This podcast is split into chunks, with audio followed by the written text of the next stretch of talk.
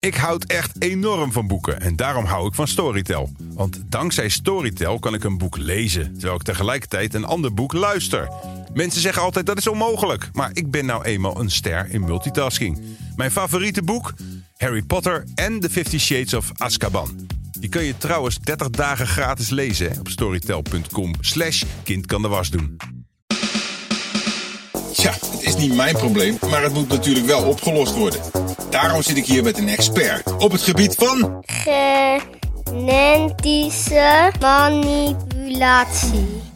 Welkom bij de podcast Een kind kan de was doen. Mijn naam is Maxim Hartman en tegenover mij zit Jonas. Jonas, dat klopt hè? Ja, Jonas, hoeveel jaar ben je? zes. Zes. Je bent expert. Eh, misschien wel leuk voor de mensen die je zitten te luisteren om je wat beter te leren kennen. Eh, kun je wat over jezelf vertellen?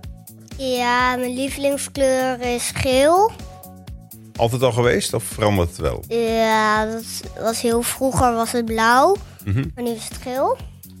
En het zou zomaar groen kunnen worden over een aantal jaar. Dat weet ik niet. Dat sluit je niet uit. Wat is je lievelingseten? Pasta. Gewoon droge pasta of zit er ook nog saus? Nou, gewoon alle soorten pasta met, mm, die gekookt is. Gewoon Zijn het dingen die je niet lust? eigenlijk bijna niet. Nee. Jonas, zal ik even uitleggen wat we gaan doen vandaag? Ja? We hebben je speciaal uitgenodigd als eh, hele jonge expert. En waarom jij? Nou, ik ben al heel oud. Ik ga niet zo lang meer mee. Maar jij bent nog jong en je gaat nog heel oud worden. Dus jij krijgt waarschijnlijk ook nog heel veel mee te maken. Ja, dat wist ik wel. Dat wist je al. Oké. Eh, ik ga jou het, eh, het onderwerp op een papiertje geven. Het, is een, het zijn twee hele ingewikkelde woorden. Ik wens je heel veel succes. Lees het maar voor. Geren, gen, genetische Ja, heel goed. manipulatie. Perfect. Genetische manipulatie. Alleen dat is al fantastisch dat je dat kan lezen als je zes jaar bent. Genetische manipulatie. Het is misschien voor de luisteraars wel handig, eh, Jonas, als we eventjes het eh, begrip wat beter definiëren. Ja. Dat we even uitleggen wat het betekent. Ja, ja. Ehm, begin jij of begin ik? Jij. Beg- ik begin. Als, als mensen een kindje maken, hoe dat precies gaat, moet je maar aan je vader en moeder vragen. Maar als ze dat doen en het kindje komt eruit, dan heb je bepaalde eigenschappen van je vader en van je moeder. Dat wist ik. Dat wist je. Dat is ge- betekent, dat is eigenlijk een soort van DNA. nou, dat is gewoon helemaal DNA. Ja, Dat is perfect. Die DNA, die kunnen we nu beïnvloeden. Dus wij kunnen zorgen dat dingetjes in die, in die DNA, in die genetische code van de mens, maar ook van groenten en fruit, maar en ook van diertjes, die kunnen we een beetje beïnvloeden, kunnen we een beetje aan sleutelen. Wat vind je daarvan? ik vind het wel goed. Wa- waarom? Ehm, dat weet ik eigenlijk niet. Nee, maar het voelt gewoon goed. Ja, het voelt Oké. wel goed. Het heeft goede kanten, hè? want als er bijvoorbeeld iemand geboren zou worden en die zou een hele moeilijke ziekte krijgen of heel moeilijk kunnen ademen, dan kunnen we dat al zien. En dan kunnen ze dat een beetje veranderen en hopelijk heeft die persoon of dat diertje dan niet dat probleem als die geboren wordt. Mhm. En hoe zou je het vinden als we bijvoorbeeld chips met olijven zouden kruisen? Dat je een soort paprika-olijven krijgt of olijven die naar chips smaken. Hoe zou je dat vinden? Ehm, best wel grappig eigenlijk. Ja, dus genetische manipulatie kan ook grappig zijn. Ja, En eh, zou het ook gevaarlijk kunnen zijn, denk je? misschien, dat weet ik niet. Nee. Eerlijk, eerlijk antwoord. Maar stel dat het gevaarlijk zou kunnen zijn. Ja. Zou het dan eh, verboden moeten worden? Ja, dat vind ik wel. Ja. Doen je ouders dat ook? Als jij iets doet wat gevaarlijk is, zeggen ze dan... Nee, Jonas, dat mag niet. Ja, soms, maar dan niet zo boos. Dan heb je geluk. Maar is dat hetzelfde dan met genetische manipulatie? Als het dan te gevaarlijk wordt, moet dan iemand op een vriendelijke manier zeggen... Nee, dat gaan we niet doen. Ja, een beetje wel, ja. Wat heb je, denk je, van je vader en wat heb je van je moeder geërfd? Heb jij dezelfde kleur ogen als je vader en moeder? Ehm, alleen dezelfde als mijn vader. Oké. En ben je daar blij mee of had je liever de kleur van je moeder gehad? Eh, ja, daar ben ik wel blij mee. Ja, want je moeder heeft niet zulke mooie ogen. Dat dan ook weer niet. Nee.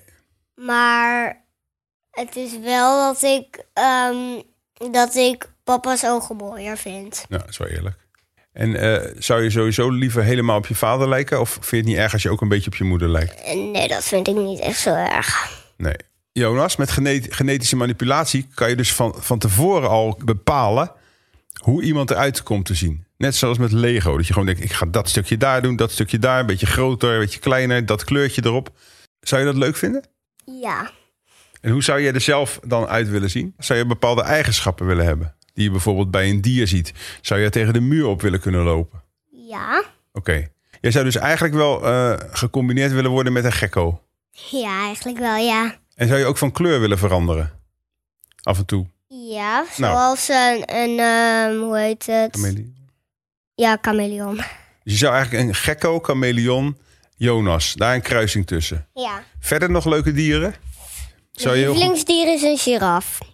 dus je houdt van lange nekken. Ja. Zou je zo'n hele lange nek willen hebben? Zou je gewoon de Jonas die je nu wil zijn, maar dan met een nek van 4 meter lang? Ja. Leuk. dus je bent eigenlijk heel erg voor genetische manipulatie, als ik het zo hoor. Ja.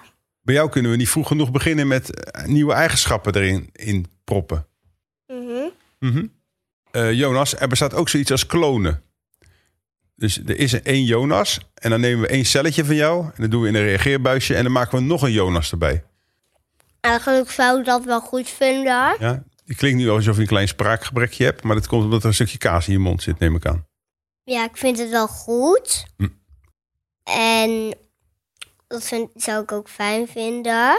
Want dan kan jij lekker uitslapen en dan kan die ander naar school. Ja. Ik kan de ander voor je naar school. Ja, en alle rotklusjes geef je aan je kloon. Ja. Kan je zelf de leuke dingen doen. Lekker chillen, lekker snoepen, lekker slapen. Ja. Beetje eh, rommelen. Slim.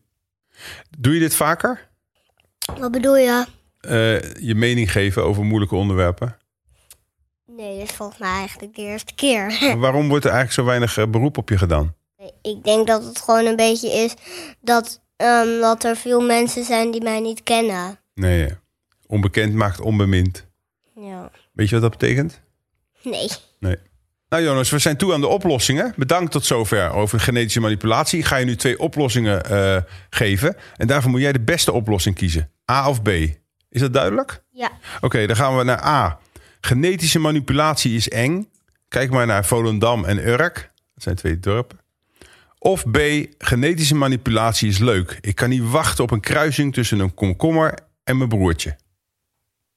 B. B.